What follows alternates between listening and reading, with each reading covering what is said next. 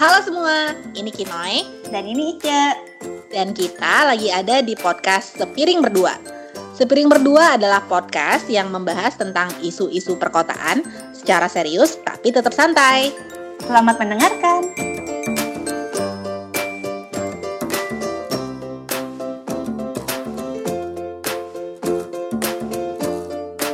Teman-teman balik lagi dalam episode kali ini. Kayaknya setelah melalui tiga episode sebenarnya tiga kali dua episode sih kita merasa bahwa kayaknya udah waktunya nih kita untuk memperkenalkan diri. Walaupun sebenarnya yang dengerin kayak teman-teman kita juga sih tapi ya nggak apa-apa lah kita perkenalan lagi lah ya cuy ya. Uh, mungkin kita sharing sedikit tentang latar belakang kenapa sih kita pengen melakukan podcast ini. Uh, terus udah gitu niatnya sebenarnya bentuk podcastnya itu seperti apa. Terus kayak sedikit tentang Kinoy itu siapa, Ice itu siapa dan seterusnya. Awalnya berpikir untuk bikin podcast itu untuk ngebahas isu-isu perkotaan yang apa ya topiknya mungkin serius tapi kita pengen ngebahasnya secara santai.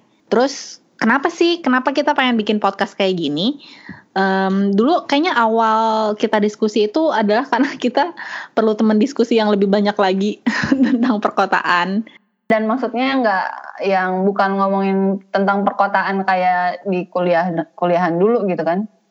iya soalnya dulu tuh maksudnya eh, ngebahas tentang kota tuh kan emang dari tataran yang normatif banget ya maksudnya teori lah terus kayak gue tuh dulu masih nggak nyambung sebenarnya apa sih artinya gitu menjadi mahasiswa perencanaan kota gitu atau tentang tata perkotaan itu seperti apa sih itu tuh nggak terlalu mudeng gue Dan kita baru dapat jawabannya setelah 20 tahun ya, Nay. 20 tahun kemudian oh iya ya itu Oh kan God. Nah, kita kan tidak ingin ini tuh terulang dengan teman-teman mahasiswa kan. Pengennya teman-teman mahasiswa ya udah deh gitu dapat dapat pencerahan lah gitu paling enggak dari podcast ini sebenarnya isu-isu perkotaan itu seperti apa sih gitu. iya benar dapat kisi-kisi Iya dan gak cuman itu itu aja gitu si si topiknya. Kalau biasanya kan orang ngebahasnya itu yang topik-topik yang ada di koran atau misalnya yang lagi heboh lah gitu di di media massa apa di sosial media. Nah kita tuh nggak nggak kepingin kayak gitu kan Noy sebenarnya. Kita Iya. kepinginnya tuh teman-teman di Indonesia tuh dapat sudut pandang yang eh, berbeda gitu dari yang eh, mainstream yang ada di media. Iya benar-benar. Eh, ada beberapa topik yang mungkin menarik menarik hati, menarik perhatian. Misalnya yang yang selalu nih kayak kayaknya yang selalu bikin kita berdua diskusi itu topik tentang SDGs misalnya Sustainable Development Goals kan.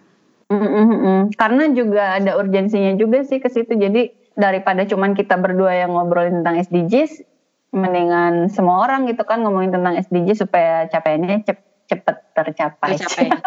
Atau kita berdua ngomongin orang lain yang ngedengerin. Eh, atau kita berdua ngomongin orang lain ngelakuin. Iya itu juga bisa. Em, terus eh, sama banyak juga komitmen-komitmen global yang buat kita, buat gue sih menarik, menarik juga gitu. Kayak misalnya topik yang sekarang tuh kayaknya lagi gede banget tuh tentang migrasi ya, tentang migration atau perpindahan orang. Itu kan banyak komitmen Iya. global nih sebenarnya. Nah itu gue seneng tuh ngebahas kita berdua seneng ngebahas kan. Nah tapi kalau misalnya ngomongin topik-topik ini kan gimana caranya bisa ngobrolin tentang ini tapi tuh nggak nggak berat nggak berat banget gitu nah itu salah satu Iya. tujuannya kan Selain itu kayaknya kita juga eh, kepingin pakai media podcast kita ini untuk menyalurkan ide kita yang banyak banget itu dari dulu sampai sekarang. Tapi kan kita tangannya cuma empat ya. Jadi eh, siapa tahu kalau misalnya kita ngomongin tentang ide kita, itu ada orang lain yang bisa mengimplementasikannya. Iya benar. Pokoknya ini adalah wadah kita berdua deh untuk kayak ngomongin. Kan yang pertama tuh diomongin dulu kan idenya. Nah masalah dilakukannya mungkin kita berdua melakukan mungkin ada yang lain terinspirasi untuk oh iya ya kayaknya seru juga tuh gitu. Ah, nah mungkin juga kadang-kadang siapa tahu nih ya gue nggak tahu nih sekarang belum sih belum kepikiran. Tapi siapa tahu di masa depan siapa tahu kita punya proyek-proyek pribadi yang membutuhkan bantuan teman-teman. Nah, terus tapi kita nggak tahu nih expertnya nyari ke mana. Terus tiba-tiba ada yang ngedengerin eh ini kan expertise gue cie kali aja ya nggak jadi sebenarnya mungkin teman-teman yang belum terlalu kenal kita atau mungkin keluarga kita sendiri, Cek. Kayak kita menerangkan deh. Kita tuh siapa nah. sih? Kerjanya apa sih gitu anak plano tuh? Ya, maksudnya urban planning tuh nggak cuma tentang penataan kota secara fisik aja kan, tapi juga ada banyak hal di dalamnya dan yang kayaknya bakal teman-teman dapatkan melalui mendengarkan kita deh. Bener, bener, bener. Dan dan uh, gue sebagai lulusan plano sih ngerasanya kok sekarang jadi hobi banget gitu ya merambah-rambah ke ilmu atau disiplin lain karena menurut gue tuh penting banget gitu untuk kita cross disiplin ya, untuk kita paham tentang disiplin lain. Soalnya kan permasalahan tadi misalnya permasalahan yang terkait SDGs itu, permasalahan global itu kan sangat kompleks banget. Eh, nggak bisa gitu kita cuman paham tentang penataan kota yang fisik yang dasar-dasar doang tanpa kita memahami uh, ada ada hal-hal yang dipahami oleh disiplin lain gitu. Mm -hmm. Ya cuman ya itulah uh, seni menjadi seorang planner itu tahu segalanya tapi tidak mendalam. Ya, iya iya kayaknya iya deh itu tuh yang gue dapat dari kuliah pertama gue di planologi itu adalah yang menjadi dasarnya itu adalah sebenarnya cara berpikir yang komprehensif dan kolaboratif ya. Betul. Dan kita tuh yang kayak tukang jahit-jahitin antara satu uh, apa ya satu perspektif dengan perspektif lain atau satu masalah dengan masalah lain itu kita gitu yang harus menjahit-jahitinnya. Jadi kalau kamu suka main puzzle atau main Lego, nah udah deh jadi anak plano aja.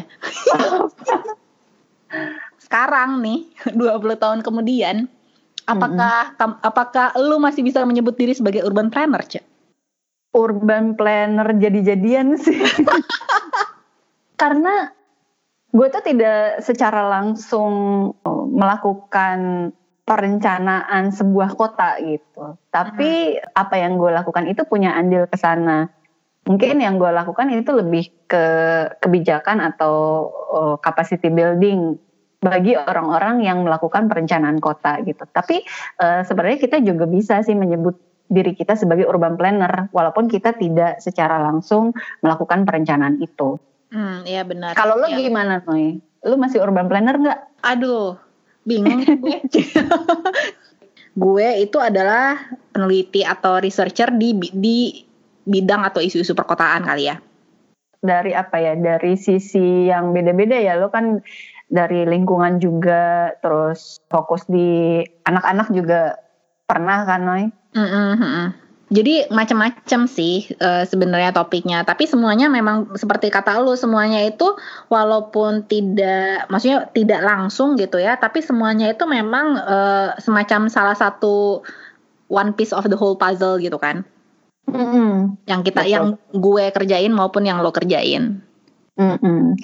Nah, oleh karena itu kami berdua itu punya ketertarikan untuk ngebahas uh, masalah perkotaan yang yang luas itu ya, yang tidak sebatas hanya uh, bikin perencanaan detail tata ruang dan lain-lain itu uh, ke masyarakat luas gitu, karena kita percaya kita semua itu punya andil dalam perkembangan perkotaan. Jadi hmm. yang yang bikin eh yang menentukan pengembang perkembangan perkotaan itu nggak cuman uh, Pemda atau urban planner, tapi masyarakat luas juga Iya dan uh, satunya lagi adalah gue juga pengen ini sih pengen membuka wawasan temen-temen ya baik yang anak plano maupun bukan ya tentang pro profesi urban planner itu sendiri gitu hmm, yang betul, yang betul, yang seperti kata lo tidak sesempit hanya membuat rencana tata ruang kota gitu tapi juga banyak yang uh, kerjanya itu kayak mendorong supaya uh, ada kolaborasi dalam perkembang apa perencanaan kotanya itu sendiri ya nggak sih? Benar-benar. Nah, ya. karena itu kita menargetkan uh, yang ngedengerin podcast kita selain tentunya selain teman-teman kita lah ya, itu adalah anak-anak muda di yang yang peduli sama masalah perkotaan, anak-anak muda urban lah gitu. Teman-teman eh, baik yang udah lulus kuliah maupun yang belum ya. Tapi kalau misalnya yang belum lulus kuliah mungkin juga teman-teman anak-anak mahasiswa planologi. Gue jadi kepikiran, Noy. Hmm. Bisa aja ospek anak-anak baru suruh ngedengerin podcast kita aja. Dan mungkin juga sebenarnya uh, yang udah mahasiswa tingkat akhir nih, siapa tahu mau mencari inspirasi. Aduh, gue skripsi tugas akhir tentang apa ya? Udah dengerin podcast kita deh, banyak pasti inspirasi dapetnya.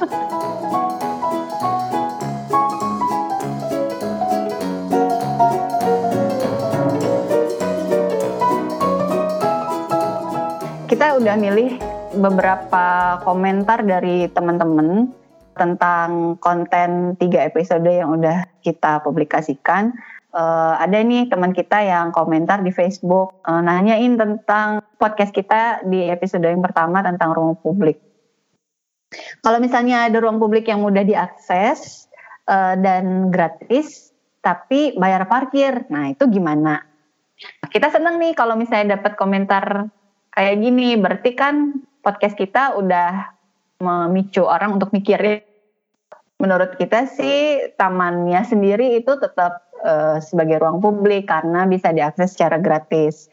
Cuman tempat parkir itu sebuah uh, apa sesuatu yang berbeda karena si pengguna mobil itu memang seharusnya menanggung uh, beban biaya parkir itu gitu. Pokoknya kalau punya mobil itu harus mau bayar bensin, bayar asuransi, bayar parkir aja gitu. Mau tempatnya nanti ditaruhnya di rumah sendiri atau di ruang publik tetap aja harus menanggung itu kan. Iya itu mah udah satu paket lah ya gitu. Mm -mm. Nah, terus ada komen lain itu dari uh, sahabat kita. Wah, kita senang banget nih pas dapet komentar ini karena uh, katanya uh, dia mau menumbuhkan kecintaan anaknya terhadap membaca, jadi pengen bawa ke perpustakaan. Salah satunya Pustaka Lana yang uh, kita obrolin di podcast kita di episode pertama. Eh, episode kedua episode ketiga ini banyak banget komentarnya. Uh, dan komentarnya itu lebih ke apa namanya uh, teman-teman yang berkomentar itu sharing museum-museum yang menurut mereka itu menarik. Uh, dan buat kita sih itu sangat menginspirasi banget uh, karena ada beberapa museum yang kita juga belum pernah ke sana. Bahkan ada teman kita yang menyebutkan uh, lima museum yang paling oke okay menurut dia 9/11 Museum di New York, Red Cross Museum, terus udah gitu Museum of Emerging Science and Innovation di Miraikang di uh, Odaiba Tokyo. Sebenarnya itu dekat juga sama Rinkai Disaster Prevention Park yang kita juga bahas. Oh iya. Di episode itu Osaka Museum of History sama Shanghai Urban Planning Exhibition Hall. Menariknya dari museum-museum yang bagus itu biasanya uh, museumnya hidup karena ada aktivitas-aktivitas khusus uh, ada temporary exhibition, seminar, ada dedicated library-nya juga, ada perpustakaannya juga di dalam museum gitu. Dan hmm. pada akhirnya itu menjadi tempat uh, belajar bagi masyarakat dan bagi pengunjung. Dan infrastrukturnya tuh total banget gitu di presentasi ini yang nggak cuma sekedar pajangan doang. Udah gitu ada juga yang bilang uh, museum yang bagus itu adalah kalau uh, karya-karya yang ditampilkan itu sangat powerful kayak yang di Vatikan karena museumnya itu bisa mengajak orang orang yang datang itu untuk diceritakan sesuatu jadi ada alur ceritanya itu bisa dilihat dari arsitekturnya atau dari uh, display dan audio guide-nya.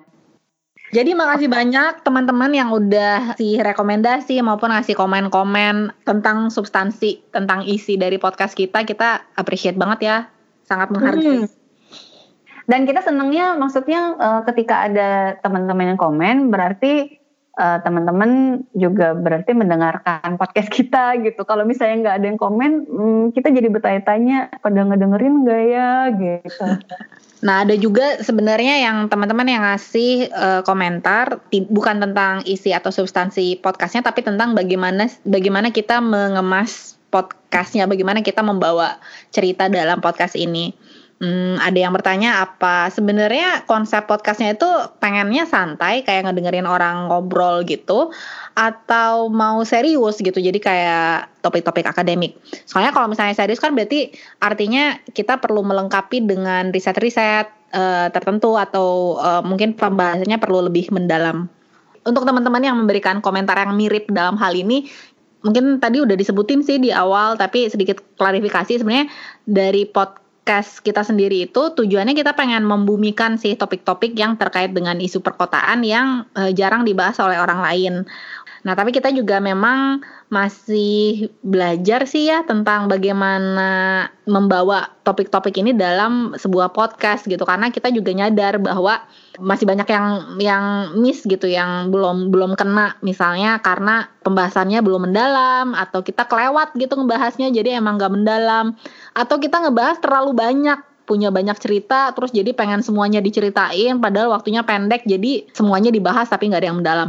Eh tapi mungkin itu inti ilmu perencanaan kota lagi cek apa maksudnya? Kan komprehensif semuanya dibahas tapi nggak ada yang mendalam maksudnya PL panjang lebar gitu ya? Iya panjang kali lebar. Tapi iya. emang kita itu ini jadi apa? Jadi tantangan buat kita berdua sih karena kita kan rekaman tuh kayak ngobrol aja gitu ya biasa. Ngobrol santai berdua kayak gue sama Kinoy lagi teleponan nih misalnya Nah, tapi juga memang sih kita salah satu lagi yang mungkin uh, kurang mungkin ada bagian-bagian yang mana kita perlu ngebahas lebih banyak tentang bagian perkotaannya. Walaupun sebenarnya nggak nggak harus selalu sih uh, bicara tentang kota itu nggak harus selalu membahas tentang ruang kotanya itu sendiri. Tapi juga memang mungkin misalnya kayak episode museum kemarin itu mungkin kayak nyambungin dengan perkotaan apa manajemen kota misalnya atau uh, perencanaan kota secara umum itu kita memang kurang agak kurang dalam ya bahasnya ya.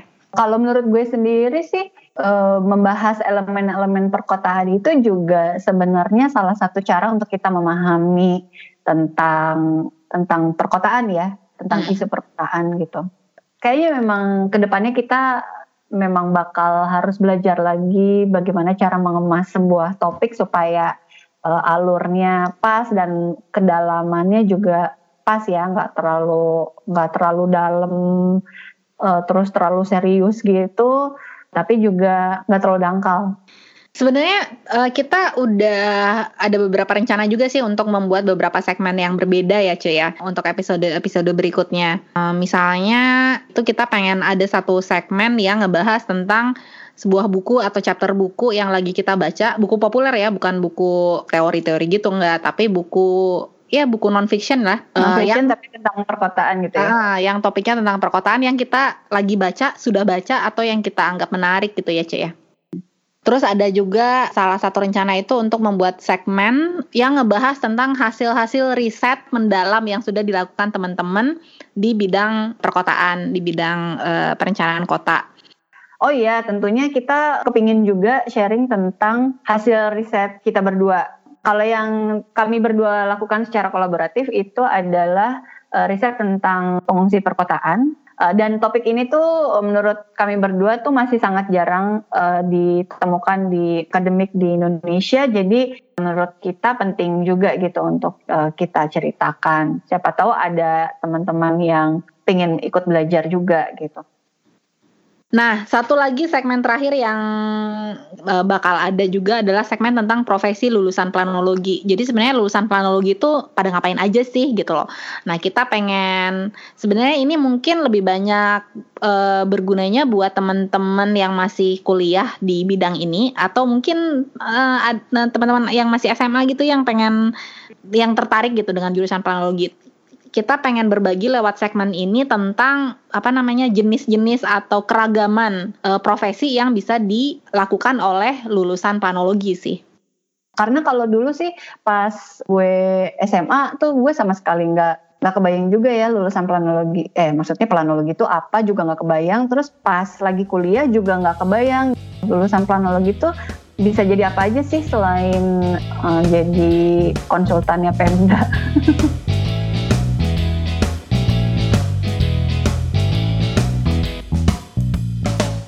Um, tapi sebenarnya kalau misalnya tentang pengalaman kita berdua sih secara profesional ya, mungkin teman-teman bisa langsung ngepoin aja lah, bisa nge-googling kita berdua, cie, atau bisa nyari kita di LinkedIn juga.